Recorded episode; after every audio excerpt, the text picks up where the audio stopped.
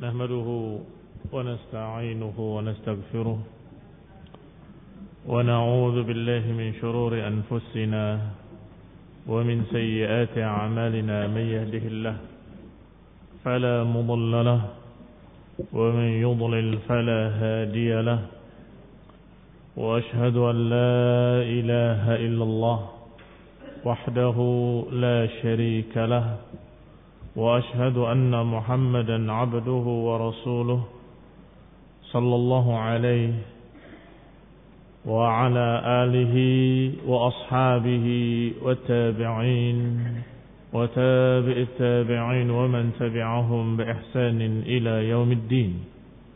يا أيها الذين آمنوا اتقوا الله حق تقاته ولا تموتن إلا وأنتم مسلمون. يا أيها الناس اتقوا ربكم الذي خلقكم من نفس واحدة وخلق منها زوجها وبث منهما رجالا كثيرا ونساء. واتقوا الله الذي تساءلون به والأرحام. إن الله كان عليكم رقيبا. يا أيها الذين آمنوا اتقوا الله وقولوا قولا سديدا. يصلح لكم أعمالكم ويغفر لكم ذنوبكم. ومن يطع الله ورسوله فقد فاز فوزا عظيما. أما بعد فإن خير الحديث كتاب الله. وخير الهدي هدي محمد صلى الله عليه وعلى آله وسلم وشر الأمور محدثاتها فإن كل محدثة بدعة وكل بدعة ضلالة وكل ضلالة في النار. إخواني في الدين أعزكم الله. Yang saya hormati kita lanjutkan kajian kitab Syarh Sunnah. Sampai pada ucapan al-muallif wa huwa al-imam al-Barbahari rahimahullah qala wa'lam rahimakallah anna ad-din innama jaa min qibalillah tabaraka wa ta'ala lam yudha ala 'uqul ar-rijal wa ara'ihim وعلمه عند الله وعند رسوله فلا تتبع شيئا بهواك fatamruq min ad-din fatakhruj min al-islam kata muallif rahimahullah ketahuilah semoga Allah merahmatimu bahwa agama ini hanya saja datang dari sisi Allah Subhanahu wa taala. Yang namanya agama ini hanya datang dari sisi Allah tabaraka wa taala. Lam yudha ala uqulir rijal tidak diletakkan di akal-akal manusia.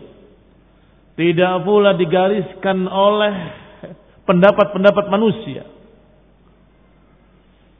Wa ilmuhu indallah. Maka ilmunya, ilmu tentang agama ini hanya dari Allah Subhanahu wa taala. Karena datang dari Allah, maka ilmunya dari Allah. Wa inda rasulihi dan juga hanya ada pada sisi Rasulullah SAW. Ilmunya dari Allah dan dari Rasulnya Sallallahu Alaihi wa ala alihi Wasallam. Fala tattabi' syai'an bihawaka maka janganlah sekali-kali engkau mengikuti hawa nafsumu. Fala tattabi' syai'an bihawak. Jangan kau mengikuti sesuatu daripadanya dengan hawa nafsumu. Artinya jangan beragama dengan hawa nafsu. Jangan melakukan ibadah tidak berdasarkan dalil-dalil tapi hanya berdasarkan hawa. Jangan berpendapat dalam masalah agama dengan hawa nafsu. Karena yang namanya din innama jaa min qibalillah. Yang namanya agama ini datang dari sisi Allah Subhanahu wa taala, maka ilmunya pun dari sisi Allah Subhanahu wa taala dan dari orang yang diutus oleh Allah yaitu Rasulullah sallallahu alaihi wa ala alihi wasallam. Lam yudha ala uqulir rijal wa araihim. Tidak diletakkan di akal-akal manusia atau pendapat-pendapat mereka. Kalau saja akal itu cukup untuk mencari kebenaran, kalau saja hanya dengan akal cukup untuk mencari jalan selamat, niscaya Allah nggak akan turunkan kitab, nggak akan utus rasul-rasul. Tetapi karena Allah Maha Tahu, hanya dengan akal-akal mereka saja nggak akan mampu mencari kebenaran. Hanya dengan akal-akal mereka saja nggak akan sanggup mereka menjalani jalan selamat di dunia ini. Tetapi Allah Maha tahu butuhnya mereka bimbingan hidayah, butuhnya mereka ilmu. Allah Maha tahu mereka butuh bimbingan ilmu, maka Allah utus rasul demi rasul. Dan Allah turunkan kitab demi kitab sampai khatamahum, sampai ditutup dengan nabi terakhir Nabi yang paling sempurna. Nabi kita Nabi Muhammad sallallahu alaihi wa ala alihi wasallam. Dan diturunkan kitab yang terakhir yaitu kitab Al-Qur'an yang mencakup semua kitab-kitab yang sebelumnya. Maka dikatakan oleh Imam Al-Barbahari rahimahullah karena agama ini dari Allah maka ilmunya hanya di sisi Allah dan Rasulnya Shallallahu Alaihi Wasallam. Tidak diletakkan di akal-akal manusia. Tidak diletakkan dengan pendapat-pendapat manusia. Allah Subhanahu wa taala berfirman dalam surat An-Nisa ayat 26 dan 27. Allah berfirman yuridullahu liyubayyana lakum wa yahdiyakum sunanal ladzina min qablikum wa yatuba 'alaikum wallahu alimun hakim. Kata Allah, sesungguhnya Allah menghendaki untuk menjelaskan kepada kalian dan membimbing kalian jalan-jalan orang-orang yang sebelum kalian. Yakni jalan-jalan kebenaran yang pernah dibawa oleh para rasul sebelum rasul terakhir sallallahu alaihi wa ala alihi wasallam. Wa yatuba alaikum dan Allah berkehendak untuk menerima taubat kalian, memaafkan kalian. Dan Allah maha mengetahui. Lagi maha memiliki hikmah. Apa ayatnya selanjutnya? Allah subhanahu wa ta'ala. Wallahu yuridu an yatuba alaikum.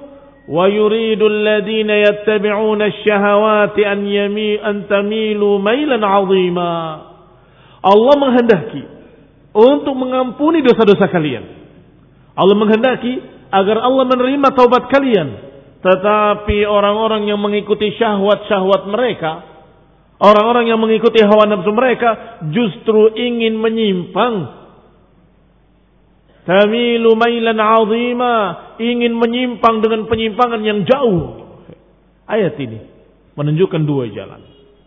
Yuridullah, Allah menghendaki untuk membimbing mereka dengan ilmu jalan yang selamat, jalan yang lurus, jalan sunnah tetapi mereka-mereka yang yuridu syahwat, yang yattabi'una syahwat, yang mengikuti syahwat, mereka lebih memilih untuk menyimpang dengan penyimpangan yang jauh. Fahunak, maka di sana ada dua jalan. Jalan yang Allah kehendaki dan jalan yang mereka kehendaki. Man yang Allah sebut dengan alladzina yattabi'una syahwat. Orang-orang yang mengikuti syahwat.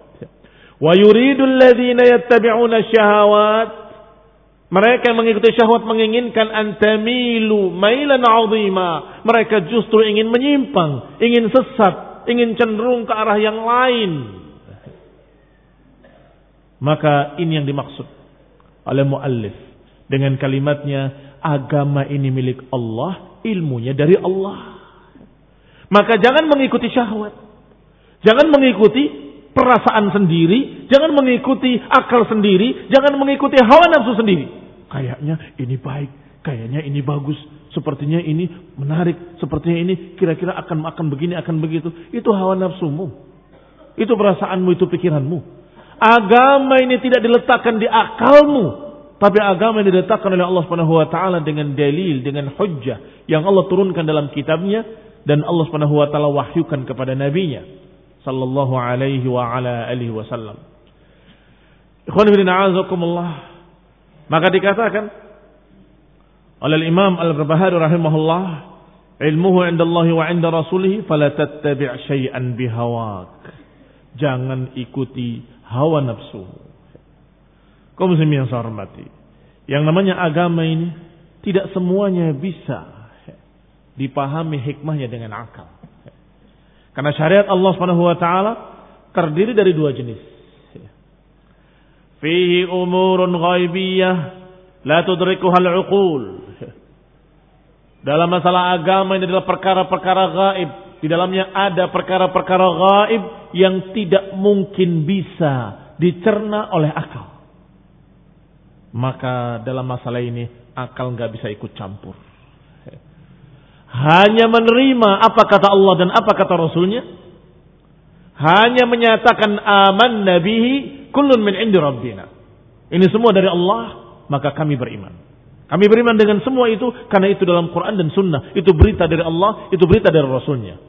Berita tentang akhirat, tentang yaumul hisab, tentang perhitungan, sampai tentang Allah dan nama-namanya dan sifat-sifatnya. Ini perkara-perkara yang nggak mungkin bisa dicari dengan akal. Nggak akan mampu seseorang dengan akal yang sekepal berpikir tentang zat Allah, berpikir tentang apa yang terjadi nanti yaumul kiamah, nggak akan sanggup, nggak akan mampu. Ini stres atau gila.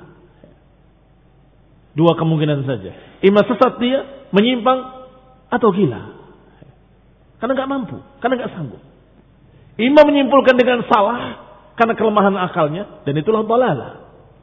Atau tidak mampu menyimpulkan akhirnya rusak akalnya. Stres, ya. gila. Maka ingatlah bahwa agama ini terdiri dari di dalamnya perkara-perkara yang gaib umurun ghaibiyah, perkara-perkara yang gaib yang nggak mungkin bisa kita cari dengan akal kita sendiri. Nggak mungkin kita sanggup memikirkannya dengan akal kita sendiri. Maka perkara-perkara tersebut tidak ada lain kecuali berita dari Allah dan kita percaya. Berita dari Rasul dan kita percaya. Dan itu yang namanya iman. Saya percaya. Aman nabihi. Kullun min indi rabbina. Kami beriman dengannya, semuanya dari sisi Rabb kami. Ada pula perkara-perkara yang sifatnya syariah. Syariat. Ini halal, ini haram. Ini wajib. Ini sunnah dianjurkan mustahabbah. Ini haram, jangan dikerjakan. Dan ini sebagiannya bisa dipahami apa sebabnya diwajibkan dan apa sebabnya dilarang. Yang istilah fikihnya illah atau ilat Sebagiannya diketahui ilatnya. Walhamdulillah kita bersyukur. Kita bersyukur ketika kita tahu ilatnya. Ini diwajibkan ternyata memiliki hikmah-hikmah yang sangat besar. Alhamdulillah. Dan ini diharamkan. Ternyata kita tahu perkara yang diharamkan adalah perkara yang jelek. Yang merusak badan kita. Yang merusak akal kita. Seperti khamr diharamkan karena merusak akal. Merusak badan. Merusak diri kita sendiri. Alhamdulillah. Ternyata apa yang Allah perintahkan pasti baik. Ternyata apa yang Allah larang pasti jelek. Diketahui ilat-ilatnya. Tetapi kadang ada perintah-perintah Allah dan larangan-larangan Allah yang tidak diketahui ilatnya secara akal. Nggak bisa diketahui. Bagaimana dengan perintah-perintah itu? Bagaimana dengan larangan-larangan itu? Kerjakan. Dengan keyakinan pasti baik. Kerjakan karena apa yang diperintahkan Allah pasti baik. Kadang diketahui hikmahnya, kadang tidak diketahui. Kenapa harus membunuh toke? Kenapa kok sunnah? Apa sebabnya? Itu kan secara akal bagus. Cecak dan toke itu kan makan serangga, nyamuk. Kan bagus kalau rumah kita bersih dari nyamuk. Secara akal sulit untuk dipahami. Bahkan ahlul uqul, mereka-mereka yang merasa akal mereka mampu untuk memikirkannya, mereka bahkan menolak hadis. Hadis ini aneh kata mereka. Kenapa? Kata mereka bahwa hadis ini menyatakan bahwa toke itulah atau cicak itulah yang meniup-niup api Nabi Ibrahim alaihissalam. Maka bunuhlah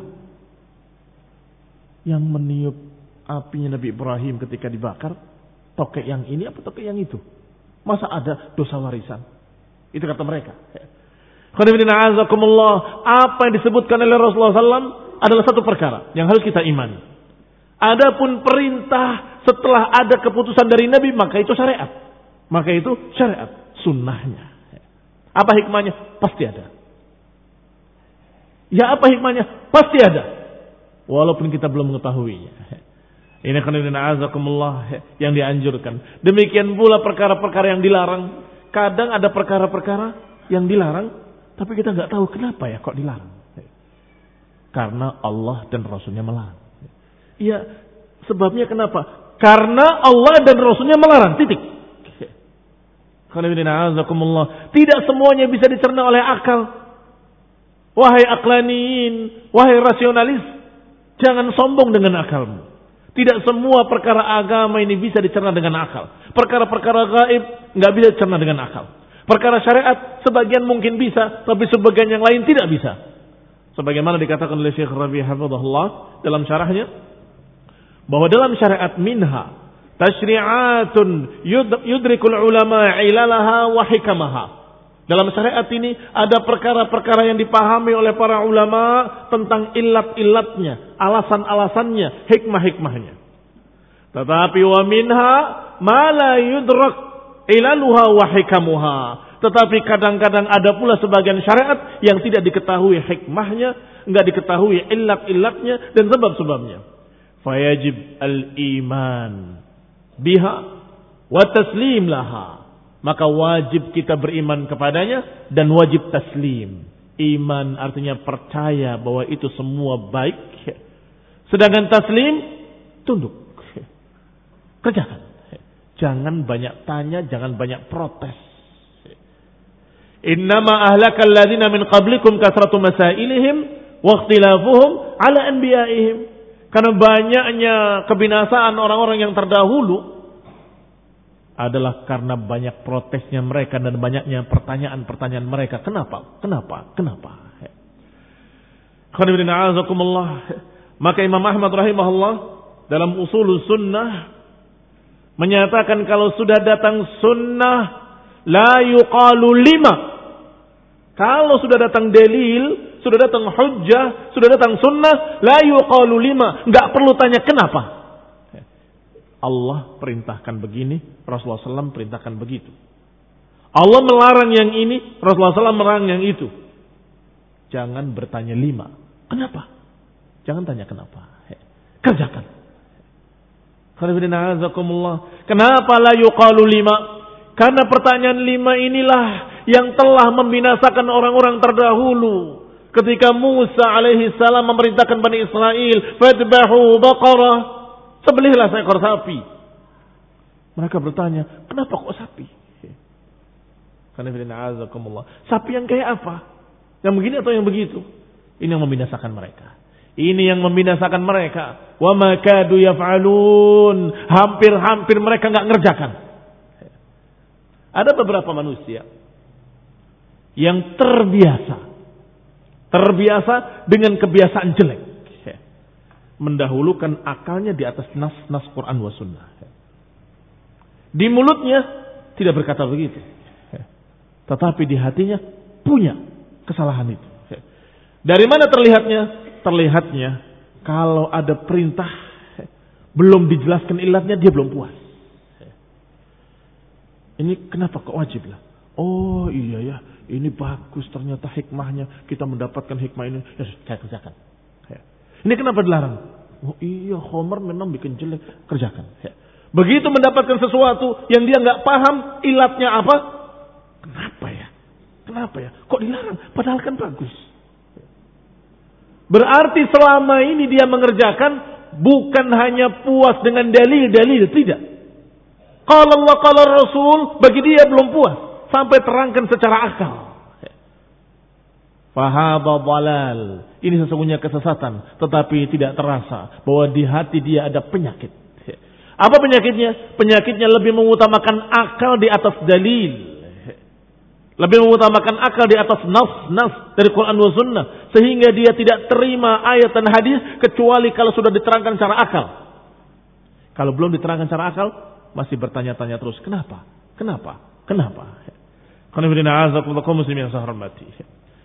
Jawabannya tidak semua bisa diterangkan kenapa. Ada sebagiannya yang bisa diterangkan hikmah-hikmahnya. Tapi sebagian yang lain tidak bisa. Apakah yang tidak bisa diterangkan kenapa dan kenapanya kemudian kita nggak terima? Kita nggak mau mengamalkan. Kita nggak mau menuruti perintah Allah dan Rasulnya karena nggak paham kenapa. Astagfirullah. Hadhihi dhalalun mubin. Ini adalah kesesatan yang nyata. Agama ini lam yudha ala uqulir rijal. Agama ini tidak diletakkan di akal-akal manusia. Agama ini tidak diletakkan pada pendapat-pendapat manusia. Berbeda dengan apa yang diyakini oleh ahlul ahwa'i. Wa ahlul balali. Wa ahlul kalam. Ahlul falsafah. Golongan yang lebih mementingkan hawa nafsunya. Akalnya. Pikirannya sendiri. Yaitu mereka-mereka ahlul kalam. Ahli filsafat yang mereka nggak akan puas dengan kalau Allah dan kalau Rasul. Kalau nggak puas dengan kalau Allah dan kalau Rasul. Selalu bertanya, coba terangkan. Maksudnya apa? Diterangkan maksudnya ayat ini, ini. Masih belum puas juga. Coba terangkan, maksudnya kenapa? Kenapa kok nggak puas dengan tafsir? Karena yang dia maukan bukan itu. Yang dia maukan adalah terangkan secara akal.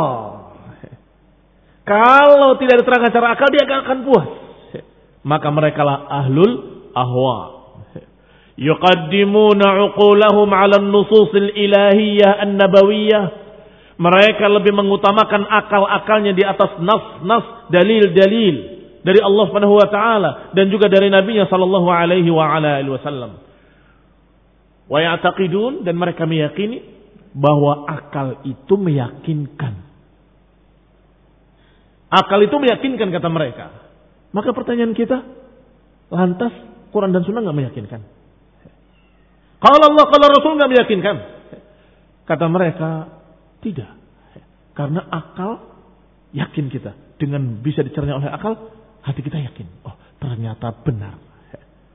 Tetapi kalau nas-nas dari Quran dan Sunnah masih memiliki one, masih memiliki kemungkinan-kemungkinan kemungkinan.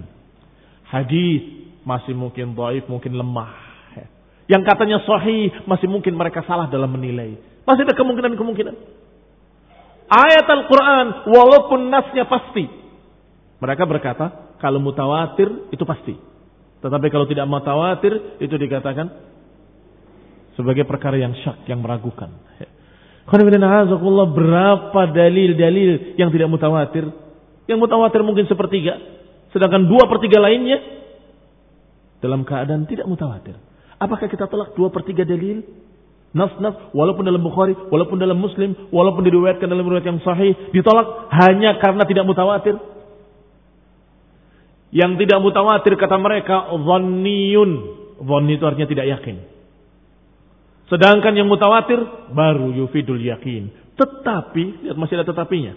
Tetapi, kata mereka, walaupun nasnya, lafadznya meyakinkan, tapi maknanya kan belum tentu. Mungkin maknanya bisa ke sana, bisa kemari. Berarti donni juga. Yang ini donni secara riwayatnya, karena tidak pasti. Yang ini donni secara maknanya. Astagfirullah. Apa sisanya? Kata mereka sisanya akal. Allah berikan akal kepada kita untuk memastikan. Apakah ini benar atau tidak? Kita buktikan secara akal. Astagfirullah. Astagfirullah. Apakah mereka mau membuktikan kebenaran hari akhir dengan akalnya? Bagaimana kira-kira caranya? Laboratorium mana yang bisa membuktikan kebenaran tentang yaumul hisab. Ini adalah kesombongan mereka. Kesombongan mereka apalagi ketika dijuluki maha siswa. Hah? Maha. Artinya yang paling tingginya. Kemudian sombong. Tidak terima dengan nas. Tidak terima dengan dalil-dalil. Mereka ingin secara akal bisa dibuktikan. Enggak semua. Sebagian memang bisa. Tapi enggak semuanya bisa. Ketika mereka berpikir tentang Allah subhanahu wa ta'ala dengan akalnya. Sebagian ketemu. Alam demikian hebatnya. Demikian sempurnanya. Saling berkaitan satu dengan lainnya. Dan ini tidak mungkin terjadi dengan begitu saja. Pasti ada yang mengaturnya. Dengan akal. Berarti alam ini ada penciptanya. Berarti alam ini ada pengaturnya. Berarti alam ini mendapatkan Sifat-sifat Allah, maha pencipta, maha pengatur, maha alim, berilmu dan sebagainya. Yang mereka sebut dengan sifat-sifat wajib. Apa maksudnya sifat wajib? Sifat yang secara akal wajib. Yang namanya Tuhan mesti punya ini. Harus punya. Yang mengharuskan siapa? Akalnya dia. Wah ini sifat mustahil. Mustahil bagi Allah begini. Mustahil bagi Allah begitu. Secara akal. Tapi berapa yang kalian dapat? Wahai aklaniyah. Wahai asyariyah. Yang ditemukan paling hanya 13 sifat saja. Atau 20 sifat. Dengan perselisihan mereka. Mereka ikhtilaf. Ada yang mendapatkan 13 sifat. Ada yang mendapatkan 20 sifat. Tapi bagaimana dengan sisanya? Padahal paling tidak ada 99 nama Allah yang setiap nama Allah mengandung sifat. Ya, berapa itu sifat Allah? Itu pun masih ada lagi yang lainnya. Yang disebutkan oleh Rasulullah SAW dengan kalimat La uhsi sana'an kama asnaita anta ala nafsik. Ya Allah aku nggak bisa menyebutkan segala pujian kepadamu sebagaimana engkau pujikan sendiri dirimu. Ini menunjukkan ada sifat-sifat lain. Yang aku nggak bisa nyebutkan seluruhnya kata Nabi. Maka jangan sombong. Yang disebutkan dalam Al-Quran saja sudah sekian banyaknya. Yang disebutkan dalam hadis lebih banyak lagi. Kau muslimin yang saya hormati. Maka apakah kita katakan hanya percaya dengan 13 saja? Saya percaya cuma 13 saja. Karena itu yang masuk akal. Terus yang ini, yang ini, yang ini, yang ini. Yang disebutkan dalam ayat, yang disebutkan dalam hadis. Ke mana itu? Sifat-sifat Allah yang demikian karena mereka lebih mengutamakan akalnya daripada nas. Akhirnya mereka hanya mendapatkan sebagian kecil dan sebagian besar lainnya mereka fi dhalalin mubin. Mereka dalam kesesatan yang nyata. Amma ma ra'ahu rijal bi'ara'ihim fahadha laysa huwa dinallah. Kata Syekh Shalal Fauzan hafizahullah. Yang namanya agama adalah dari Allah dan ilmunya dari Allah. Kalau ada yang mengada-adakan dengan pendapatnya sendiri, dengan akalnya sendiri, maka itu bukan agama Allah. Gak bisa dinisbatkan kepada Allah. Berarti agama dia. Iya kan? Kalau agama Allah ja'a min qibalillah. Agama Allah datang dari sisi Allah. Maka ilmunya dari Allah diturunkan melalui kitabnya atau melalui seseorang yang diutus olehnya. Itu agama Allah. Tetapi kalau ada seseorang yang berpikir sendiri, ngarang sendiri, menentukan sendiri dengan hawa, maka itu bukan agama Allah. Agama si fulan. Bukan agama Allah, tapi agama si Allah. Sehingga aliran-aliran tersebut dijuluki dengan julukan tokoh-tokohnya masing-masing.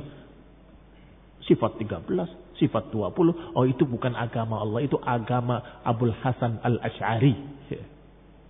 Berarti apa? Yaitu aliran Ash'ariyah.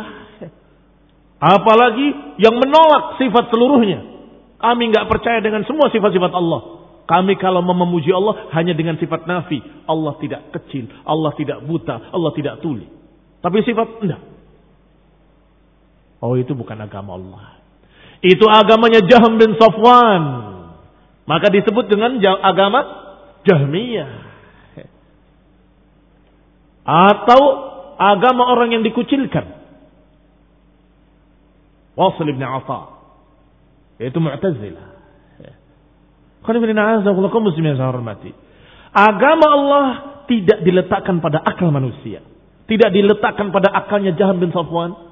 Tidak diletakkan pada akalnya Abu Hasan al-Ash'ari. Enggak diletakkan pada akalnya fulan wa fulan nggak diletakkan pada akal siapa pun. Ilmunya dari Allah diturunkan oleh Allah dan diutus Rasulnya oleh Allah untuk menyampaikannya, untuk menerangkannya. Dan Allah mengancam dengan ancaman-ancaman keras bagi mereka-mereka yang berani membuat syariat yang bukan dari Allah Subhanahu wa taala. Berani menentukan sebuah agama, sebuah syariat, sebuah keyakinan bukan dari Quran dan Sunnah. Apa kata Allah? Am lahum syuraka'u syara'u lahum minad dini ma lam ya'dan bihillah. Apakah mereka punya sekutu-sekutu lain? Yang membuat syariat untuk mereka yang Allah tidak izinkan untuk mereka? Di mana letak ancamannya? Di mana letak ancamannya? Ini khonidina azab bukan diancam dengan bentuk-bentuk adab yang bahir tetapi justru yang lebih mengerikan adalah diancam dengan ancaman kesyirikan. Allah juluki dengan syuraka'u Apakah mereka punya Tuhan-Tuhan lain yang membuat syariat yang Allah tidak turunkan, yang Allah tidak syariatkan, yang Allah tidak izinkan? Artinya siapa yang membuat syariat yang bukan dari Quran, bukan dari Sunnah, berarti dia menganggap ada Tuhan lain selain Allah. Berarti mereka menganggap ada syuraka, ada sekutu-sekutu Allah. Dan ini syirik. Nasallahu alaihi Ancaman yang mengerikan, ancaman kesyirikan. Ya memang nggak ada ayatnya, memang nggak ada hadisnya, tapi menurut saya ini baik. Kamu bikin syariat? Hati-hati. Apakah kamu menganggap dirimu Tuhan, ilah, sesembahan? Ini ancaman yang mengerikan. Ancaman sangat keras. Apa kamu bikin agama sendiri? Membikin syariat sendiri? Yang namanya agama ini dari Allah, maka ilmunya juga dari Allah. Tapi si fulan mengatakan begini, tapi si fulan apakah ada dalilnya? Apakah ada ayatnya? Ya memang nggak ada dalilnya, memang nggak ada ayatnya. Tapi dia katanya ini bagus, katanya ini baik. Tapi baik dan bagus, apakah menurut dia atau menurut Allah SWT? Kamu menyembah siapa? Menyembah Allah atau menyembah mereka? Apakah kalian memiliki syuraka syara'u lakum minad dini ma lam ya'dan bihillah? Apakah kalian punya sekutu-sekutu lain, punya sesembahan-sembahan lain selain Allah yang membuat syariat-syariat baru yang Allah tidak turunkan? Ini ancaman yang sangat berat. Allah sudah menyatakan syara'alakum minad dini ma wassa nuhan walladhi awhayna ilaika wa ma wassayna bihi ibrahim وما وصينا به إبراهيم وموسى وعيسى أن أقيموا الدين ولا تتفرقوا فيه Allah yang menyariatkan untuk kalian. Allah yang membuat syariat untuk kalian. Manusia tidak berhak. Allah yang membuat syariat untuk kalian. Dalam agama ini. Yaitu syariat yang pernah diwasiatkan kepada Nabi Nuh alaihi salam dan juga yang kami wasiatkan kata Allah kepada engkau wahai Rasul dan juga yang kami wasiatkan kepada nabi-nabi sebelummu Nabi Ibrahim wa Musa wa Isa. Yaitu wasiatnya aqimuddin wa la tatafarraqu fi. Tegakkan agama ini yang sudah Allah syariatkan dan jangan berpecah belah An aqimud din wa la. Tegakkan agama ini dan jangan bercerai-berai. Allah sudah memberikan syariat, pegang syariat itu. Allah sudah membuat syariat, tegakkan syariat itu. Jangan membuat syariat baru. Membuat syariat bisa dalam bentuk amaliyah, bisa dalam bentuk i'tiqadiyah. Yang satu lebih besar daripada yang lain. Kalau membuat syariat baru dalam i'tiqadiyah, Artinya meyakini dengan keyakinan-keyakinan bid'ah. Dan ini kadang membawa kepada kekafiran. Qad yuaddi ilal kufur. Kadang bisa membawa kepada kafirnya seseorang. Seperti apa yang dilakukan oleh Jahmiyah. Yang dikafirkan oleh para ulama. Baik. Atau seperti apa yang diyakini oleh ingkarus sunnah para pengingkar-pengingkar sunnah. Dan itu nama yang paling bagus buat mereka. Daripada nama yang mereka banggakan. Quraniyun. Mereka menjuluki dirinya Quraniyun. Kami golongan Quran. Maksudnya nggak pegang sunnah. Kami golongan Quran. La wallah, mereka bukan golongan Quran. Mereka para pengingkar-pengingkar sunnah. Yang menyatakan cukup bagi kami Al-Quran. Kata para ulama mereka kufar. Mereka kafir. Kenapa? Karena mereka tidak beriman kepada Rasulullah Sallallahu Alaihi Wasallam dan tidak beriman bahwa ucapan-ucapannya adalah syariat. Maka mereka dengan apa yang mereka bikin dari syariat baru, dengan akal mereka, dengan hawa nafsu mereka, mereka kufar. Ada pula dalam bentuk amaliyah-amaliyah yang biasanya jatuh ke dalam penyimpangan dan kesesatan. Seperti mereka mengada-adakan bid'ah-bid'ah dalam ibadah. Bid'ah perayaan-perayaan. Merayakan maulid Nabi, merayakan kenaikan Nabi, merayakan turunnya Nabi, merayakan kematian Nabi, merayakan apa lagi? Semua dirayakan oleh mereka. Padahal para sahabat tidak merayakan kecuali dua hari raya. Idul Adha dan Idul Fitri. Ini pun sesungguhnya sama mereka membuat syariat baru. Tetapi nggak dikasihkan oleh para ulama. Kenapa? Karena itu dalam bentuk amaliyah-amaliyah yang akidah mereka tetap meyakini tentang Allah dan Rasulnya. Wajibnya untuk mengikuti perintah Allah dan Rasulnya. Maka mereka menganggap baik dengan istihsanat. Dan kita katakan seperti dikatakan oleh Rasulullah, kullu bid'atin balalah. Semua kebid'ahan adalah sesat. Maka perbuatan mereka perbuatan yang sesat. Perbuatan mereka perbuatan yang menyimpang. Demikian pula berbagai macam acara-acara mereka yang tidak ada dalil dari Quran dan Sunnah, maka itu juga syara'u lahum minad dini malam ya'dan bihillah. Kita tanyakan pada mereka, apakah kalian punya Tuhan lain yang membuat syariat baru yang nggak ada dalam Quran dan Sunnah, baru diturunkan wahyunya kepada kamu atau kepada kiaimu? Oh enggak, kalau enggak kenapa? Kau membuat acara baru yang nggak dikenal oleh para salaf. Nggak dikenal oleh para sahabat dari Nabi Sallallahu alaihi wa ala alihi wasallam. Nggak dikenal oleh para tabi'in dan tabi'it tabi'in. Ngapain?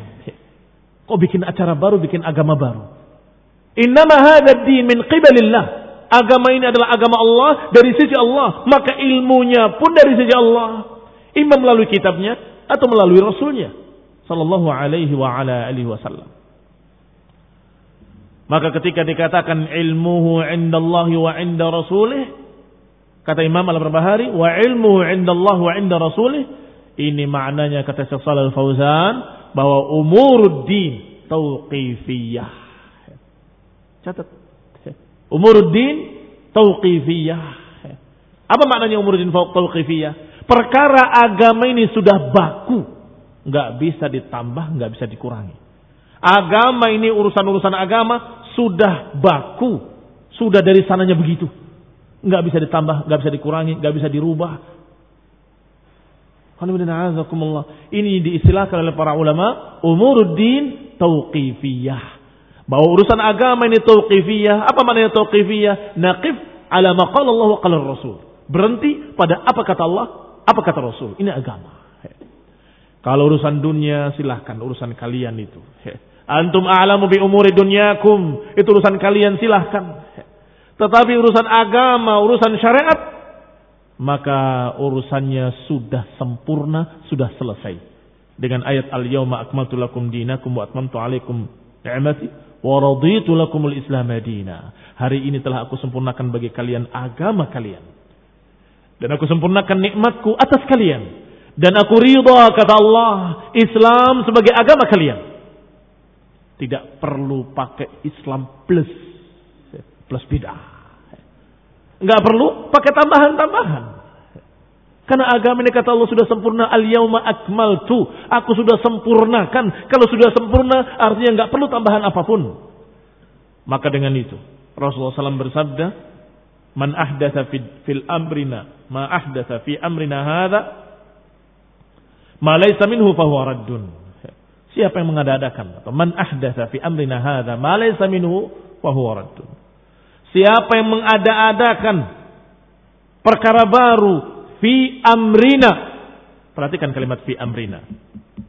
Pada urusanku, urusan Nabi. Apa urusan Nabi? Agama. Fi amrina hadza ma laysa minhu fa huwa. Apa yang bukan dari beliau maka tertolak. Selalu mereka-mereka ahlul ahwa, ahlul bid'ah selalu beralasan tapi kan ada bid'ah hasanah. Seperti mikrofon, seperti mobil, dulu nggak ada dan seterusnya. Ya hada, jangan pura-pura bodoh.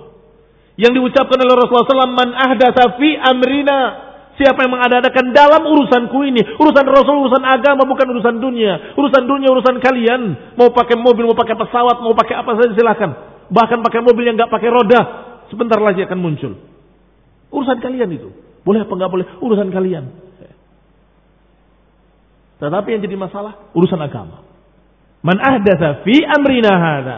Siapa yang mengadakan dalam urusan kini perkara baru, maka inilah yang kata Nabi tertolak. Pakai ibadah cara baru.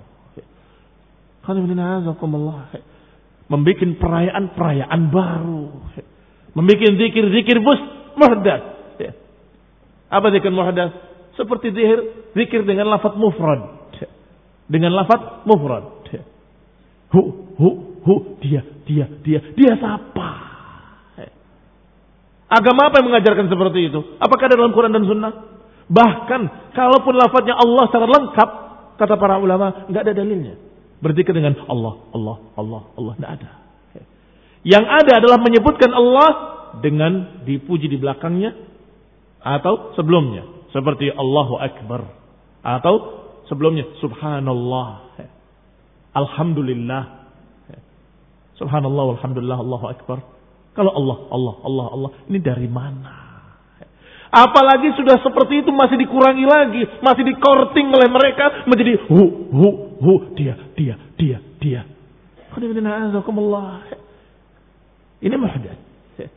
Perayaan perayaan muhdas, zikir zikir muhdas, puasa puasa muhdas, puasa bid'ah, puasa mati geni, puasa mutih, puasa apa lagi?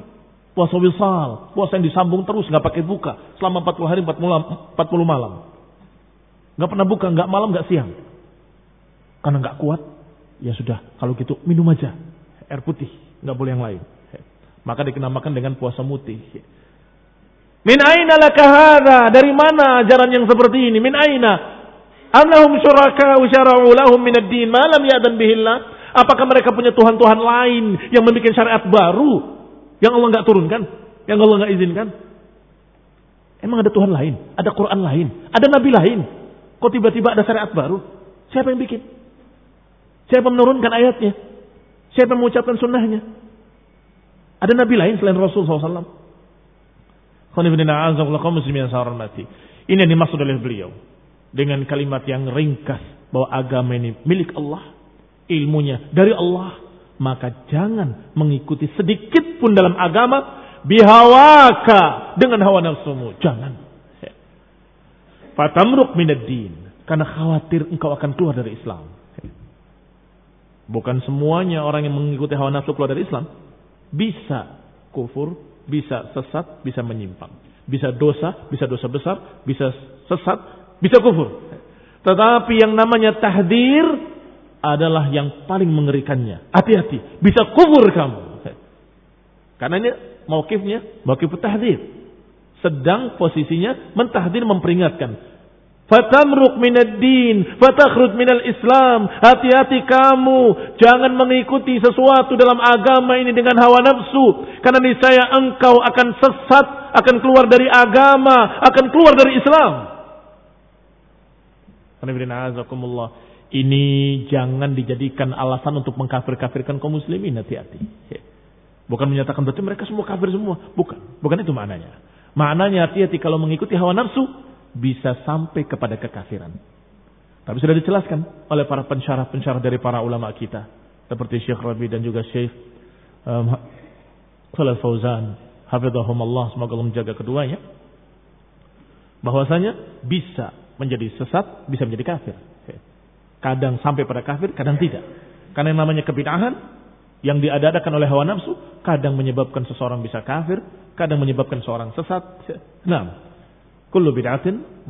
Semua bid'ah menyebabkan sesat. Tetapi kadang mencapai kekafiran, kadang tidak. Barakallahu fikum. Ini adalah ancaman agar kalian dan kita semua takut daripada hawa nafsu. Adapun jalannya Kata para ulama, itu adalah jalan menuju kekafiran. Kebidahan adalah jalan menuju kekafiran. Kalau dia mengerjakan bid'ah yang kecil, bid'ahnya kecil, tetapi apa yang kamu lakukan itu sudah sesuatu yang besar. Apa itu? Lebih mengutamakan hawa nafsu di atas nas-nas. Ini akan membawa pada yang lebih besar, lebih besar, lebih besar, dan akan membawa kepada kekafiran. Oleh karena itu, yang namanya bid'ah, kata para ulama, baridul kufri Bidah adalah pos jembatan kepada kekafiran. Kebidahan adalah pos yang membawa kepada kekafiran. Mungkin terjemahkan pos kurang tepat. Walaupun memang berit diterjemahkannya sering kali pos. Tetapi asal muasalnya yang namanya berit adalah satu jarak tertentu. Satu barit, dua barit, tiga barit. Satu jarak tertentu yang waktu itu mereka mengirimkan pos, mengirimkan surat itu tidak seperti sekarang ini. Tetapi akan diberikan kepada pos pertama. Pos pertama memberikan kepada barit yang kedua. Pos kedua. Dari pos kedua diantarkan pada pos ketiga. Jadi pos pertama itu hanya mengantarkan sejarah satu baris saja pulang lagi dia. Nih ada surat dia balik lagi. Ya. Yang kedua juga hanya mengantarkan satu baris. Ya. Mengantarkan baris yang ketiga kemudian dia balik. Maka dikatakan barid barid barid. Kata para ulama kebidaan itu baridul kufur. Dengan kebidaan pertama sudah selangkah ke arah kekafiran. Nanti bidah yang berikutnya selangkah lagi kepada kekafiran mendekat, mendekat, mendekat kepada kekafiran. Ini dikatakan dengan al-bid'ah baridul kufur wallahu taala alam. Wa nasallahu taufiq wal afiyah. Subhanakallah bihamdika asyhadu an la ilaha illa anta astaghfiruka wa atubu ilaik. Wassalamualaikum warahmatullahi wabarakatuh. Assalamualaikum warahmatullahi wabarakatuh. إن الحمد لله نحمده ونستعينه ونستغفره ونعوذ بالله من شرور أنفسنا ومن سيئات أعمالنا من يهده الله فلا مضل له ومن يضلل فلا هادي له وأشهد أن لا إله إلا الله وحده لا شريك له وأشهد أن محمدا عبده ورسوله صلى الله عليه وعلى آله وأصحابه والتابعين وتابع التابعين ومن تبعهم بإحسان إلى يوم الدين. يا أيها الذين آمنوا اتقوا الله حق تقاته ولا تموتن إلا وأنتم مسلمون. يا أيها الناس اتقوا ربكم الذي خلقكم من نفس واحدة وخلق منها زوجها وبث منهما رجالا كثيرا ونساء. واتقوا الله الذي تساءلون به والأرحام. إن الله كان عليكم رقيبا. يا أيها الذين آمنوا اتقوا الله وقولوا قولا سديدا. يصلح لكم أعمالكم ويغفر لكم ذنوبكم ومن يطع الله ورسوله فقد فاز فوزا عظيما. أما بعد فإن خير الحديث كتاب الله وخير الهدي هدي محمد صلى الله عليه وعلى آله وسلم وشر الأمور محدثاتها فإن كل محدثة بدعة وكل بدعة ضلالة وكل ضلالة في النار. إخواني في الدين أعزكم الله كمسلمين يا حرمتي قال المؤلف رحمه الله يأتي الإمام البربهاري رحمه الله تعالى قال واعلم رحمك الله أن الدين إنما جاء من قبل الله. تبارك وتعالى لم يوضع على عقول الرجال وآرائهم وعلمه عند الله وعند رسوله فلا تتبع شيئا بهواك kata muallif rahimahullah ketahuilah semoga Allah merahmatimu bahwasanya agama ini datang dari sisi Allah tabaraka wa taala tidak diletakkan di akal-akal manusia tidak pula diletakkan pada pendapat-pendapat mereka. Dan ilmunya ada di sisi Allah Subhanahu wa taala dan di sisi Rasulnya. Fala tattabi' syai'an bihawaka fatamruk min ad-din. Sudah dibahas ya, sebagiannya sampai pada ucapan beliau fala tattabi' syai'an bihawaka Jangan kau ikuti sesuatu dengan hawa nafsu. Yang kata Syaikh Fauzan, hafizahullah taala, la tattabi syai'an bihawak yani biraghabatik. Jangan mengikuti sesuatu dengan raghabah. Suka atau tidak suka secara pribadi. Walakin yakunu hawaka raghatuka tabi'in atau tabi'in lima ja'a anillah. Tetapi dibalik. Justru keinginanmu, kesukaanmu, seleramu yang dicocokkan dengan syariat. Jadi jangan kita mengikuti sesuatu sesuai selera.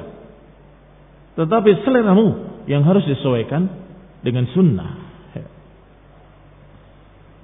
Fala huwa illa ma ja'anillah, maka tidak mengikuti dengan hawa nafsumu kecuali apa yang dikehendaki oleh Allah SWT. Apa yang datang dari Allah dan Rasulnya. Wala targhab dan jangan kamu benci kecuali apa-apa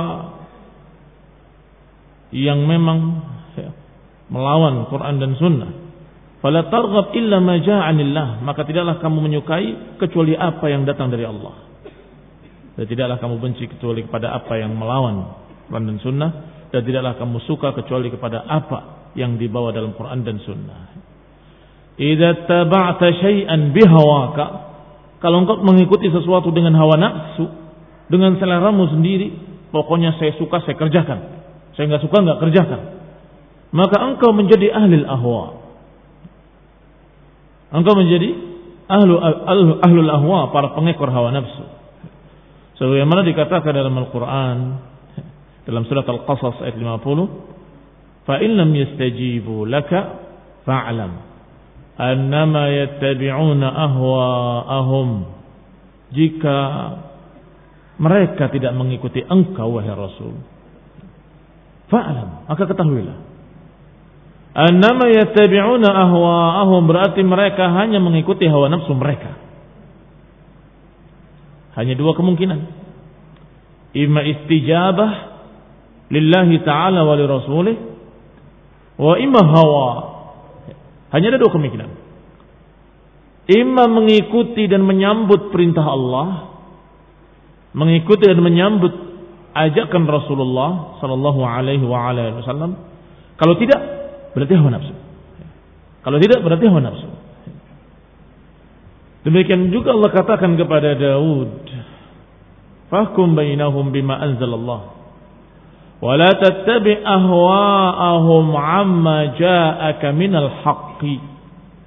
Hukumilah mereka dengan apa yang Allah turunkan. Hukumilah mereka dengan apa yang Allah turunkan. Wala tattabi ahwa'ahum dan jangan ikuti hawa nafsu mereka terhadap apa-apa yang datang kepadamu dari kebenaran. Jangan ikuti hawa nafsu mereka. Ya, ini sampaikan kepada mereka apa yang Allah turunkan. Allah, Allah Rasul. Ini ayatnya, ini hadisnya. Dan jangan mengikuti keinginan mereka. Jangan mengikuti selera mereka. Barakallahu fiikum. Tetapi ajarkanlah hak. Qala Allah qala Rasul. Qala thumma ja'alnaka ala syari'atin min al-amr. Ayat lain yang dibawakan oleh Syekh Shalal Fauzan, hafizahullah, adalah surat Al-Jasiyah. Thumma ja'alnaka ala syari'atin min al-amr fattabi'ha Kemudian kata Allah, kami jadikan engkau wahai Rasul di atas syariat. Di atas sebuah syariat dari urusan ini. Fattabi'ha, maka ikutilah syariat itu. Wala tattabi' syai'an wala tattabi' ahwa alladzina la ya'lamun dan jangan ikuti hawa nafsu hawa nafsu orang-orang yang tidak mengerti. Orang-orang yang enggak punya ilmu. Qul muslim yang saya hormati. Berarti mengikuti hawa nafsu. Bisa jadi mengikuti hawa nafsu dirinya sendiri. Atau bisa jadi mengikuti hawa nafsu orang lain. Ima mengikuti hawa nafsunya sendiri. Saya sukanya begini. Saya maunya begitu. Berarti mengikuti hawa nafsunya sendiri. Tetapi ada sebagian manusia yang mengikuti hawa nafsu orang lain. Tapi mereka inginnya begini. Tapi mereka inginnya begitu. Gimana ya? Ya sudahlah, ayat ini nggak usah disampaikan. Mereka maunya begitu. Kalau gitu hadis ini sebaiknya kita sembunyikan saja. Berarti dia mengikuti hawa nafsu orang lain. Dan kedua-duanya sama dijuluki dengan ahlul ahwa, para pengikut hawa nafsu. Para pengikut hawa nafsu. Kata Allah, kami jadikan engkau wahai Rasul di atas sebuah syariat. Di atas sebuah syariat. Fattabi'ha. Ikutilah dia, ikutilah syariat itu. Wala tattabi' ahwa alladziina la ya'lamun. Jangan ikuti hawa nafsu mereka yang tidak mengerti. Hawa nafsu orang yang bodoh, hawa nafsu orang yang la ya'lamun. Jangan ikuti mereka. Mereka mau katanya masuk Islam, tapi syaratnya tidak mau sholat. Boleh? Ditawar, astagfirullah. Ditawar, kami mau masuk Islam, tapi kalau nggak ada ininya, kalau nggak ada perintah ini, kalau nggak ada perintah itu, kalau nggak ada ibadah ini, jangan turuti. Ini syariat Allah, sudah baku demikian. Mau terima. Kalau tidak mau berhadapan dengan Allah Subhanahu wa taala. Kita hanya menyampaikan Kata Allah pada ayat berikutnya, "Innahum lan yughnu 'anka minallahi syai'a." Sesungguhnya mereka enggak akan bisa mencukupimu dari Allah sedikit pun. Enggak bisa membelamu. Kalau dituruti kemauan mereka, kalau dituruti kemauan mereka, kamu sesat. Ketika sesat, di akhirat nanti kamu bertanggung jawab terhadap dirimu sendiri dan mereka tidak bisa membantumu lan yugnu anka minallahi syai'a. Mereka nggak akan bisa mencukupi dari Allah Subhanahu wa taala. Kalau Allah sudah murka, Allah sudah menuntut mereka, maka orang-orang yang tadi kita ikuti selera mereka, mereka nggak bisa bantu apa-apa. Wa inna zalimina ba'duhum awliya'u ba'd dan sesungguhnya orang-orang zalim sebagian mereka wali-wali terhadap sebagian yang lain. Orang-orang zalim sebagian mereka adalah pembela terhadap sebagian yang lain. Wallahu waliyul muttaqin, sedangkan Allah pembela orang-orang yang takwa. Apa kata Syekh selanjutnya setelah menukil ayat-ayat ini? Qala fa anta baina amrain. Berarti engkau di antara dua.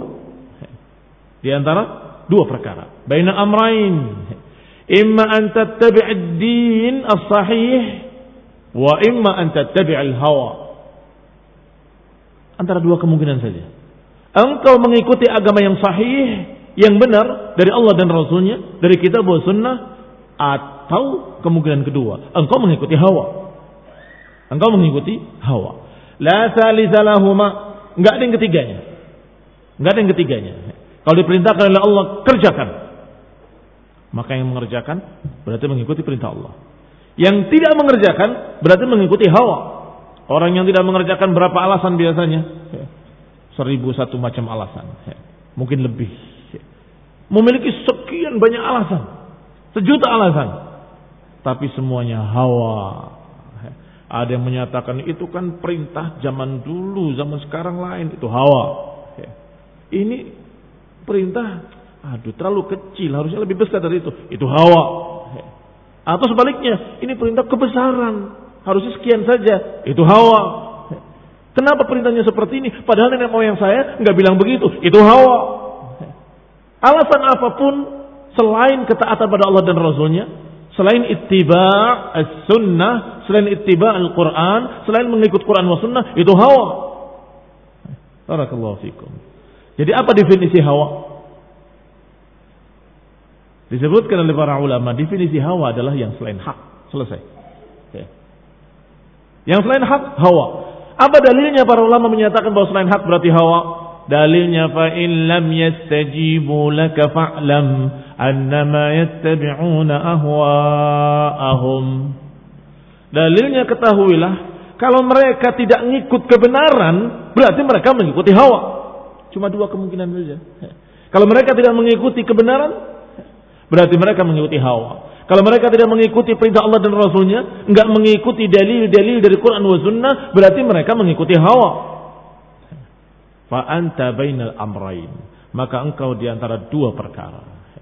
Fala tattabi' syai'an bihawaka. Maka jangan ikuti hawa nafsumu. Allah Subhanahu wa taala berfirman, "Wa man adallu mimman ittaba'a hawahu bighairi hudan min Allah." Siapa yang lebih zalim dari orang-orang yang mengikuti hawa nafsunya tanpa petunjuk? Siapa yang abal, siapa yang lebih sesat Dari mereka-mereka yang mengikuti hawa nafsunya sendiri. Tanpa kebenaran. Inna Allah la yahdil qawm zalimin. Allah enggak akan memberikan petunjuk pada orang-orang yang zalim. Disebut dalal dan disebut zalim. Dalal perbuatannya sesat, orang yang zalim. Kenapa dikatakan zalim? Karena dia tidak mengikuti kebenaran. Mengikuti hawa nafsunya, pokoknya. Hawa. Mengikuti emosinya, hawa. Mengikuti seleranya, hawa maka Allah Subhanahu wa taala menyatakan, "Waman adallu?" Siapa yang lebih sesat dari mereka-mereka yang mengikuti hawa nafsunya, tidak mau mengikuti kebenaran. Faqal, kemudian Allah Subhanahu wa taala menyatakan, "Waman?" Siapa yang akan memberikan petunjuk pada mereka? Allah tidak akan memberikan petunjuk pada orang-orang yang zalim. Disebut adal yang lebih sesat tidak ada daripada orang yang mengikuti hawa. Ayat lain juga menyatakan dengan kesesatan. Wala tattabi'il hawa fayudillaka an sabilillah. Ayat-ayat ini dinukil dalam syarahnya Syekh Rabi. Hafizahullah. Wala tattabi'il hawa fayudillaka an sabilillah. Jangan mengikuti hawa nafsu maka engkau akan sesat. Tadi dikatakan waman adallu. Siapa yang lebih sesat? Sekarang dikatakan siapa yang mengikuti hawa sesat. Artinya ittiba'ul hawa identik dengan balal. Mengikuti hawa sama dengan sesat. Atau membawa pada kesesatan. Atau menyebabkan kesesatan. Atau mengikuti hawa itulah kesesatan. Kemudian dikatakan selanjutnya, kelengkapan ayatnya, Innal an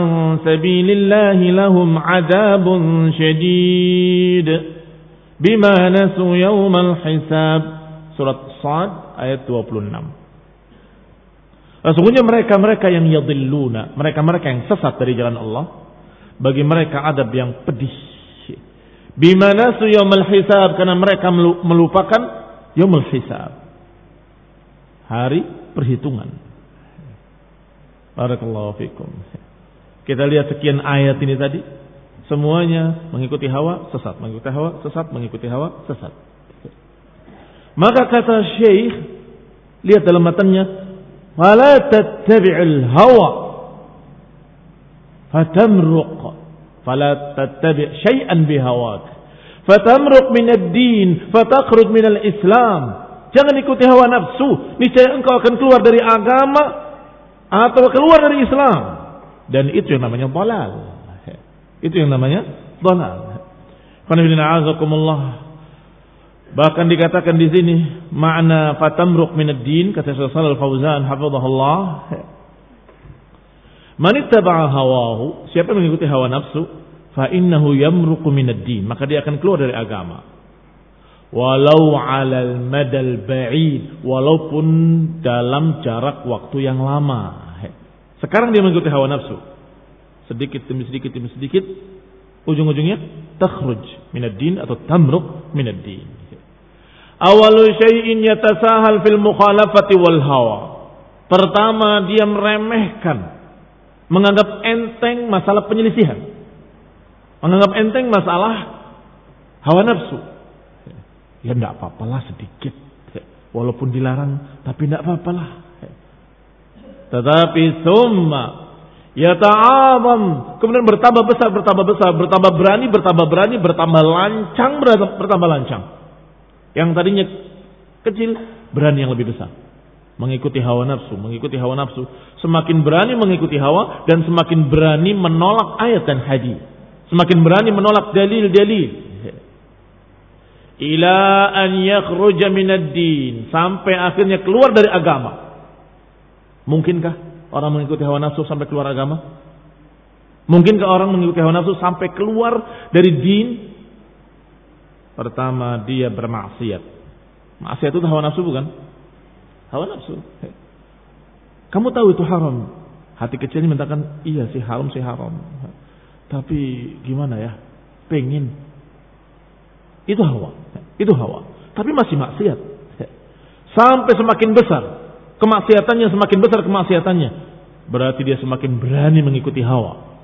Akhirnya dia berzina, akhirnya minum khamr, akhirnya akhirnya akhirnya masih maksiat juga walaupun dosa besar.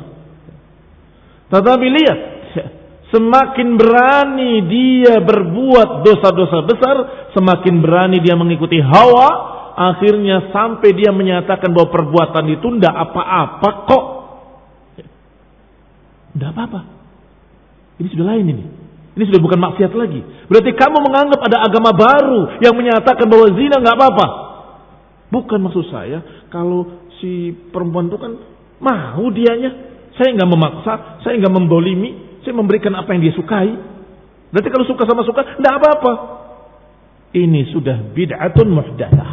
Bid'ah muhdathah dan ini khonibina azakumullah sudah balal. Kullu bid'atin balalah. Semua kebid'ahan sesat. Semakin berani lagi menyatakan sesungguhnya saya itu bukan zina. Bela diri. Saya itu sungguhnya nikah. Karena waktu itu saya katakan pada si perempuan itu, saya nikahi dirimu dengan uang ini. Perempuan tadi menjawab, iya saya terima nikahnya. Berarti nikah. Saya akan menikah kepada kamu malam ini saja. Nikah muta'ah. Apa itu namanya? Bid'ah wa dalalah dan ini naudzubillah sudah berani menghalalkan apa yang haram.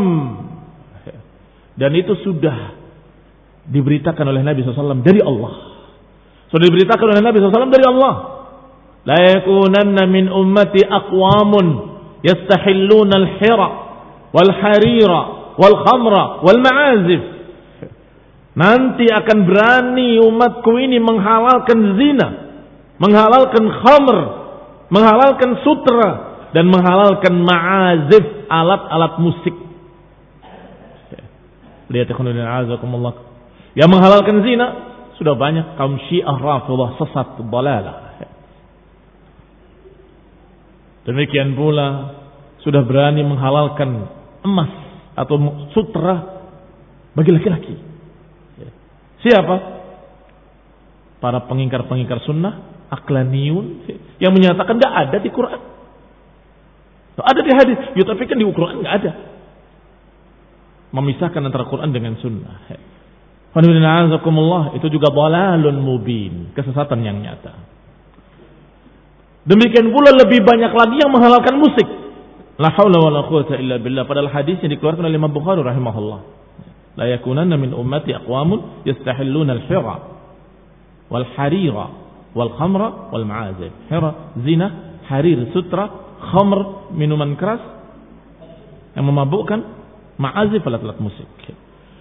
Bayangkan ya azakumullah akhirnya mereka kemudian menganggap pokoknya apa yang dia suka dia kerjakan, apa yang dia suka boleh halal.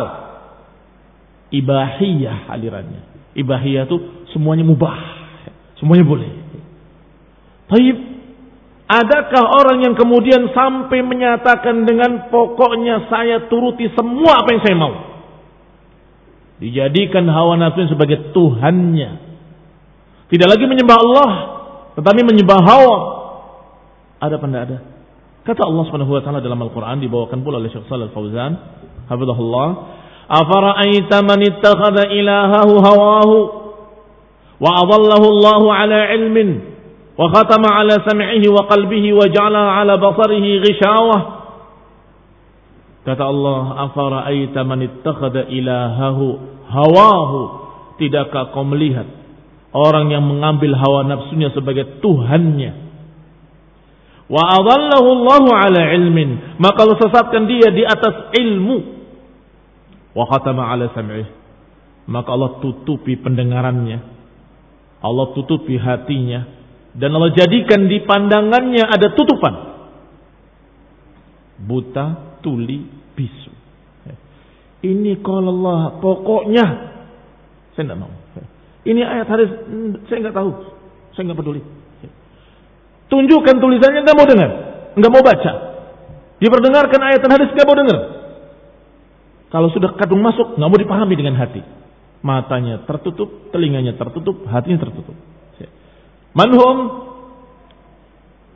abidul hawa, ubad al hawa, para penyembah-penyembah hawa. Apa ra'aita man ittakhadha ilahahu hawahu? Tidakkah kau lihat orang yang mengikuti hawa nafsunya sebagai Tuhannya? Allah sesatkan ala ilmin, disesatkan di atas ilmu. Kenapa dikatakan Allahu ala ilmin, disesatkan di atas ilmu? Karena walaupun dia tahu ayatnya, walaupun dia tahu hadisnya, karena memang intinya tidak mau, bukan tidak tahu. Dia tahu tapi nggak mau. Berarti disesatkan di atas ilmu. Fal hawa ilahun akhar. Maka kata Syekh Shalal Fauzan, maka hawa bagi mereka sebagai Tuhan yang lain. Walaysa syirk maksuran ala ibadati sanami awil wasan. Maka yang namanya syirik tidak hanya menyembah berhala, menyembah patung-patung. Bal hunaka syai'un akhar. Ternyata ada sesembahan lain selain berhala. Wa huwal hawa. Faqad la ya'budul insan asnam wal asjar wal ahjar wala ya'budul qubur walakin yattabi'u hawahu. Kadang manusia tidak menyembah berhala, tidak menyembah pohon, tidak menyembah batu-batuan, tidak menyembah kuburan-kuburan, tetapi ternyata menyembah hawahu, menyembah hawa nafsunya sendiri. Fahada abdul li hawa, maka orang seperti ini menjadi budak bagi hawa nafsunya. Fa'alal insani an yahdhar, maka manusia hendaklah berhati-hati wala yattabi' illa ma wafaqal kitab was sunnah. Maka menunjukkan bahwa Syekh Al-Muallif bahwa Syekh Al-Imam Al-Barbahari rahimahullah memahami dan memang sudah mengerti. Beliau alim bahwa orang yang berbuat atau mengikuti hawa ujung-ujungnya bisa kufur. Karena ayat ini tadi menggambarkan adanya budak-budak hawa nafsu adanya para penyembah-penyembah hawa nafsu, adanya orang yang menjadikan hawa nafsu sebagai ilah. Maka kata beliau, hati-hati. La tattabi' syai'an bihawaka fatamruq minad din wa takhruj minal Islam. Hati-hati jangan mengikuti dengan hawa nafsumu karena engkau akan keluar dari agama, akan keluar dari Islam. Ini ancaman. Ancaman berbeda dengan tahkim. Ancaman berbeda dengan ta'yin. Berbeda. Hati-hati. Kalau kamu begini, nantinya begitu. Kalau kamu begitu, nantinya begini. Apa ini? Ancaman. Artinya hati-hati ikhwan. Kalau kamu masuk ke sini, akan jatuh ke dalam kufur. Bukan menyatakan mengikuti hawa nafsu berarti kafir. Belum tentu. Kenapa belum tentu? Karena yang namanya itiba'ul hawa ada sekian tingkatan. Sebagaimana dikatakan oleh Syekh Rabi Hafizahullah. Itiba'ul hawa qad yuaddi ilal kufur. Wa qad yuaddi ila dhalal kata beliau. Qad yuaddi ila al-kufur idza kana mu'adina mu'anidan mustahillan. Kata Syekh Rabi hafizahullah bahwa yang namanya tibaul hawa qad yuaddi kadang-kadang membawa kepada kufur. Kapan itu? Kalau membawa kepada mu'anidan mustahillan. Mu'anid menentang Walaupun Allah menyatakan tidak boleh, saya menyatakan boleh. Mau apa? Itu kufur. Walaupun Rasulullah SAW melarang, saya tetap, saya nggak peduli dengan perintah Allah. Ini kafir. Kafir ina dan juhu dan atau mustahilan menghalalkan yang haram itu juga kufur. Tetapi kadang-kadang ittibaul hawa qad yuaddi ila kadang-kadang membawa kepada kesesatan tetapi tidak sampai kepada kekafiran. Balal. Cukup dikatakan balal. Berarti dolalnya jelas. Kufur mungkin. Bisa jadi sudah sampai pada kekufuran, bisa jadi belum. Rasulullah sallallahu alaihi wa ala alihi wasallam sudah menyampaikan dengan jelas. Lihat selanjutnya ucapan musannif rahimahullah. Undur kitab. Qala rahimahullah fa innahu la hujjata lak Faqad bayyana Rasulullah SAW li ummatihi sunnah wa awdahaha li ashabih.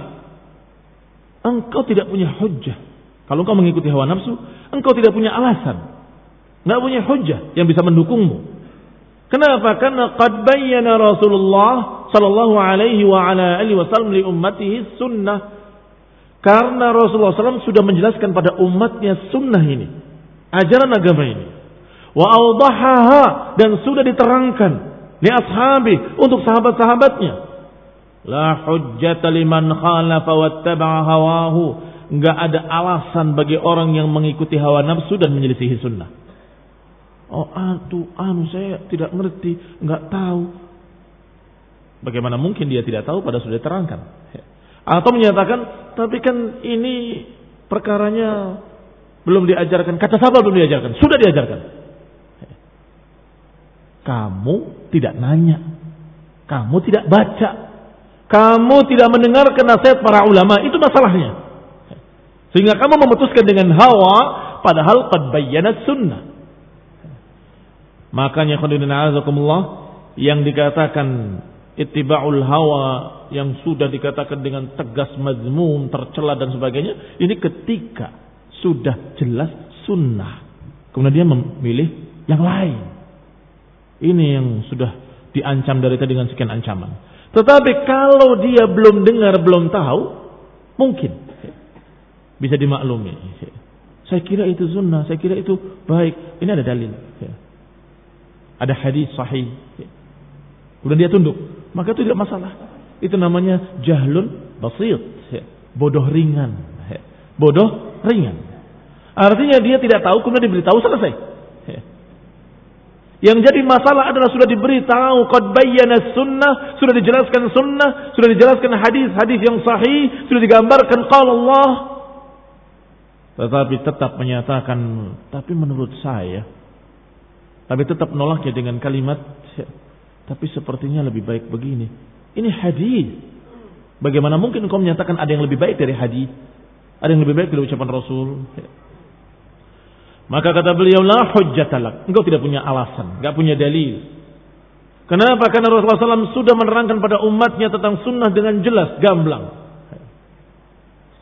li'annahu dhalla ba'dal bayan karena berarti dia dhalla ba'dal bayan sesat setelah penjelasan lihat ancaman dalam ayat yang sering kita baca yaitu mereka-mereka yang dikatakan yusyaqiqir rasul diancam dengan ancaman berat tetapi Allah beri qaid Aman yusyaqiqir rasul min ba'di ma tabayyana lahul huda siapa yang menentang Rasul setelah datang petunjuk, setelah bayana, setelah jelas petunjuk, tapi mengikuti jalan lain.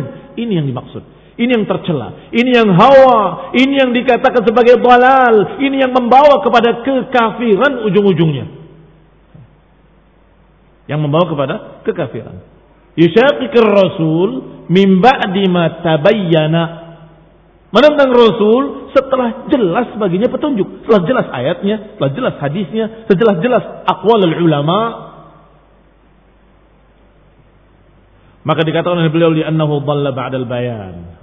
Orang yang tidak memiliki alasan adalah yang sesat setelah bayan. Setelah jelas. Wa ba'dal ilm. Setelah ilmu.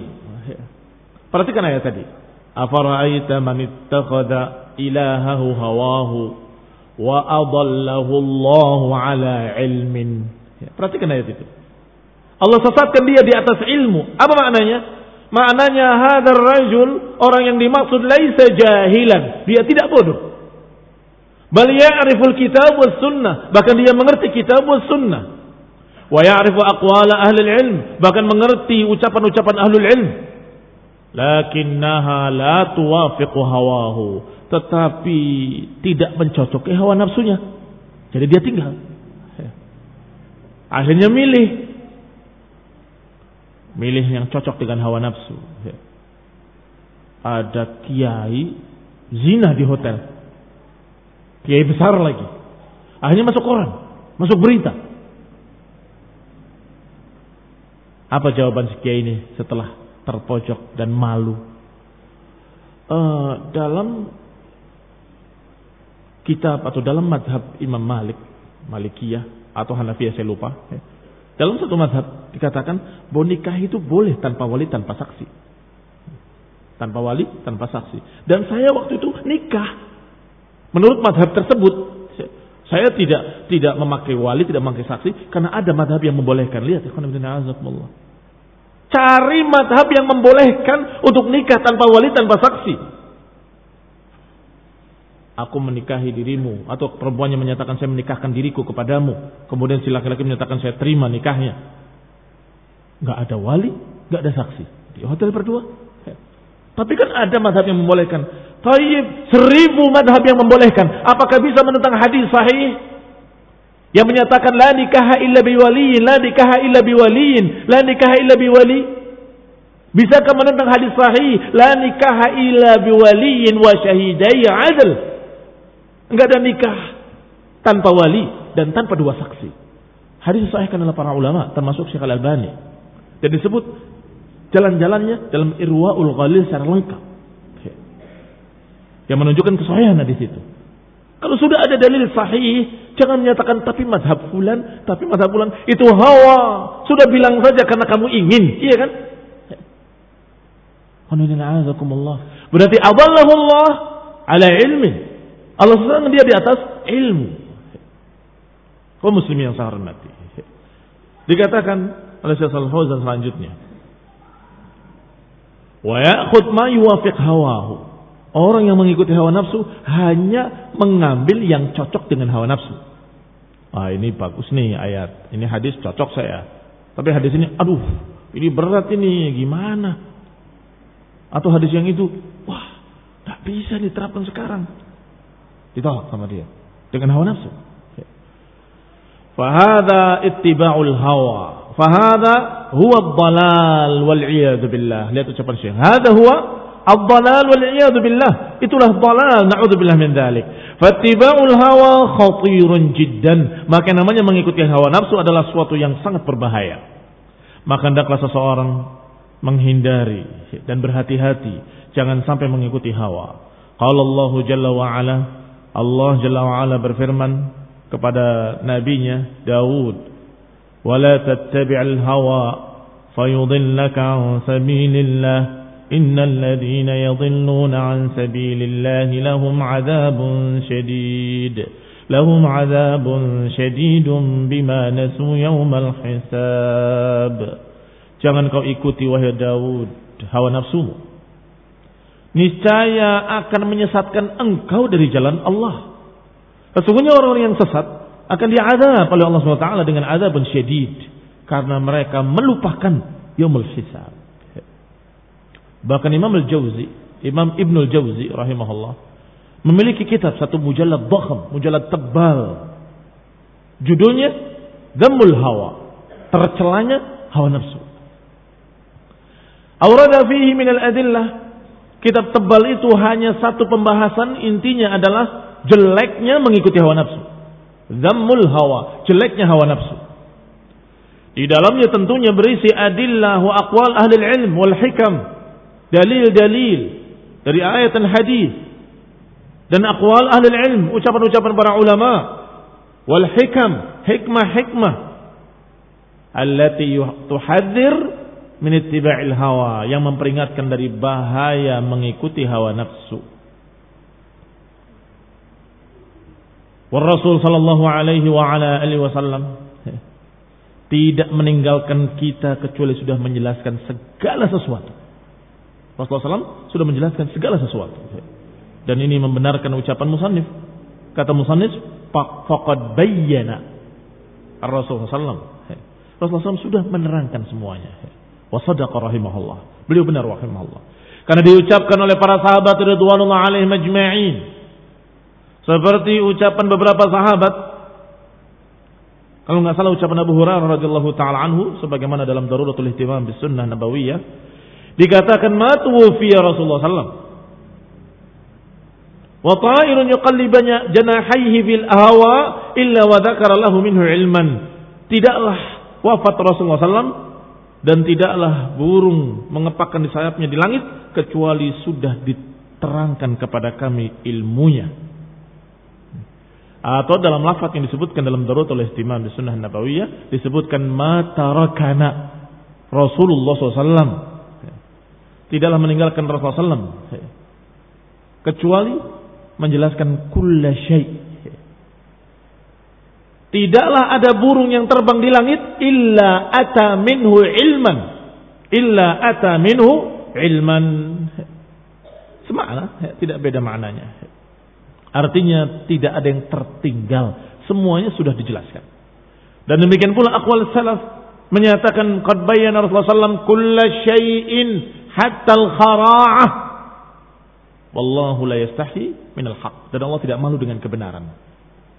Allah tidak malu dengan kebenaran. Allah la yastahi min al-haq. Bahwa Rasulullah SAW sudah menerangkan segala sesuatu sampai masalah buang air.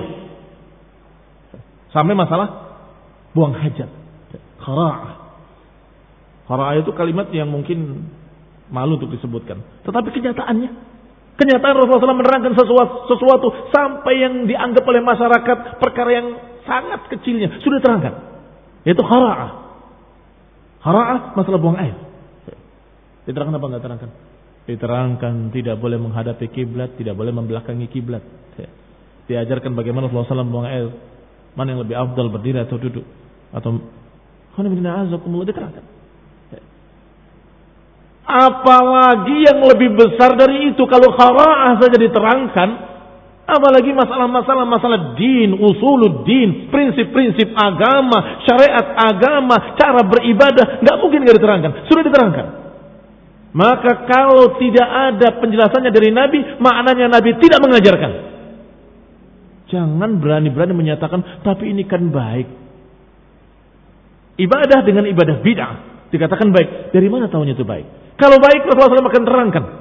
Kewajiban para Rasul adalah menjelaskan kebaikan-kebaikan dan menganjurkan untuk mengikutinya dan menjelaskan kejelekan-kejelekan dan memperingatkan bahayanya. Kembali kepada kita.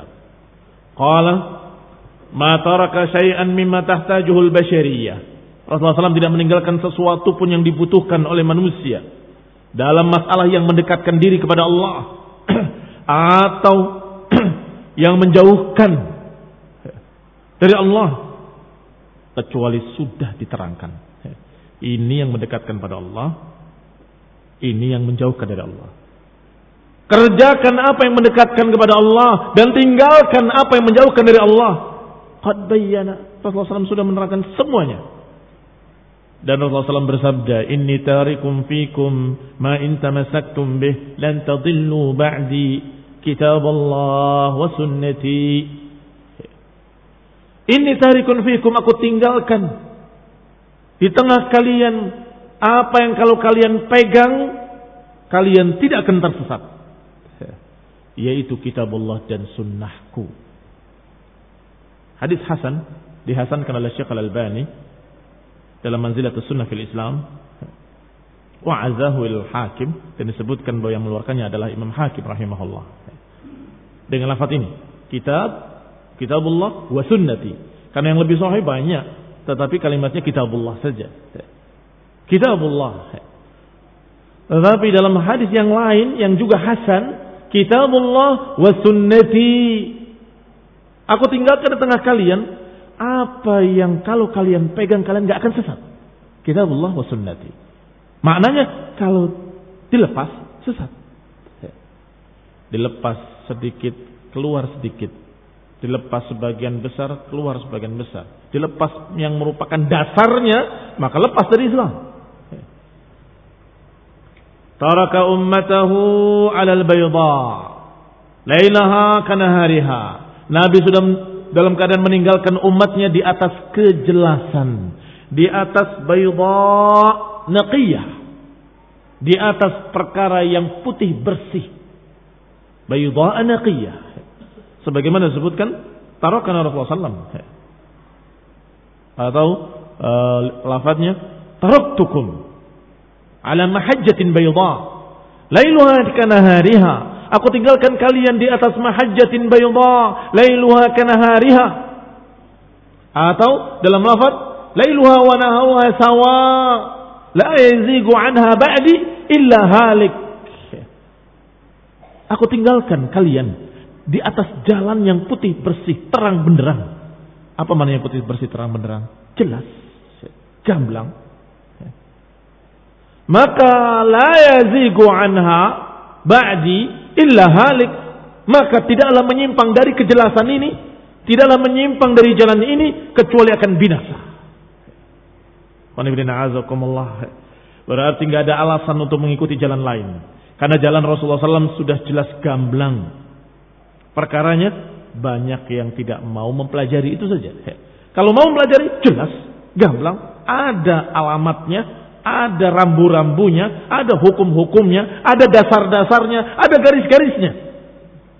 Masalahnya sebagian besar umat yang mengaku muslimin justru tidak mau membaca, nggak mau mempelajarinya. Kalau dia mau mempelajarinya, mau membacanya, ada dan jelas seperti matahari. Nggak ada seorang pun yang nggak tahu matahari. Bahkan yang buta pun tahu ini sekarang siang. Iya pak iya. Orang buta tahu ini terang, terasa di matanya. Ini terang ini gelap. Apa yang diajarkan oleh Rasulullah SAW sudah jelas gamblang terang seperti matahari. Tinggal maukah kamu melihatnya? Itu saja. Kalau nggak melihat, ya nggak akan kelihatan. Mana? Tidak ada. Nungkul terus. Mana matahari? Tidak ada. Oh gila dia. Lihatnya ke bawah. Mana katanya agama jelas? Ini baca.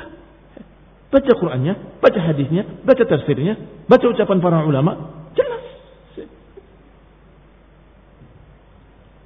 Bahkan Rasulullah sallallahu alaihi wasallam beliau meninggal dalam keadaan sudah meminta persaksian kepada para sahabat-sahabatnya. Kata Syekh Shalal Fauzan rahimahullah qala ba'da ma ballagha al-balagh al-mubin wa awdaha as-sunnah li ashabihi setelah Rasulullah SAW menjelaskan sunnah, menerangkan dengan penyampaian yang jelas, Rasulullah SAW berkhutbah di khutbah terakhir khutbatul wada' dan berkata, "Ala hal balagh Ala hal balang, bukankah aku sudah menyampaikan? Bukankah aku sudah menyampaikan? Qalu mereka berkata, para sahabat, nashhadu annaka qad ballaghta wa nasahta. Kami menyaksikan engkau telah menyampaikan ya Rasul. Engkau telah menyampaikan, engkau telah menasehati, engkau telah menunaikan amanah. Ad-daita al-ma'na. Maka Rasulullah SAW mengangkat tangannya ke langit dan menunjuk kepada mereka. Allahumma syahad, ya Allah saksikanlah, ya Allah saksikanlah. Maka ketika, na'udzubillah, ketika, na'udzubillah, kalau kita na'udzubillah sesat, kemudian kita berhadapan yaumul qiyamah dengan Rasul, kita menyatakan saya tidak tahu atau saya tidak dengar dan sebagainya, Rasulullah SAW menyatakan dengan saksi yang banyak. Bukankah aku telah menyampaikan? Para sahabat menyatakan sudah disampaikan. Di mana kamu? Ke mana kamu? Kau nggak baca ucapan Rasul? Ke mana? Kita nggak punya saksi. Kita nggak punya hujah. Kita nggak punya alasan. Karena Rasulullah SAW sudah memiliki saksi-saksi yang banyak. Allahumma syahad. Ya Allah saksikanlah. Mereka sudah menjadi saksi-saksiku bahwa aku sudah menyampaikan. Bahkan yang menjadi saksi bukan hanya umat beliau sendiri, tapi umat-umat yang sebelumnya menjadi saksi. Dan umat-umat yang setelahnya menjadi saksi.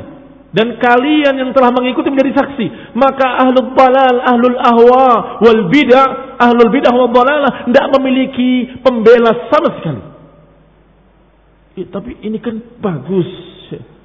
Emang ada perkara bagus yang belum dijelaskan oleh Rasul? Saksi-saksi. Jawab. Maka semua ummah akan mempersaksikan Rasulullah SAW sudah menerangkan semua kebaikan. Maka kamu berarti mengada-ada dengan dusta.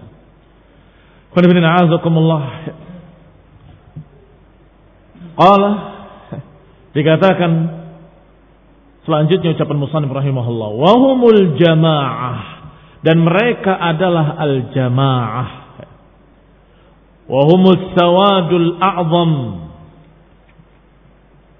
Setelah disebutkan tentang al-jamaah. Wala tatabi' syai'an bihawaka fatakhruj min ad-din, fatakhruj min al-islam, fa innahu la hujjata lak. Karena enggak ada hujjah bagimu. Karena Rasul telah menjelaskan pada umatnya sunnah. Wa awdahaha li ashabi dan sudah menjelaskan kepada sahabat-sahabatnya apa kaitannya perkara sahabat-sahabat ini? Sudah menjelaskan pada sahabat-sahabatnya. Wahumul jamaah karena para sahabat itulah al jamaah. Wahumus sawadul a'zam dan mereka adalah sawadul a'zam. Was sawadul a'zam al haqq wa ahlu. Sawadul azam adalah kebenaran dan orang-orang yang mengikuti kebenaran.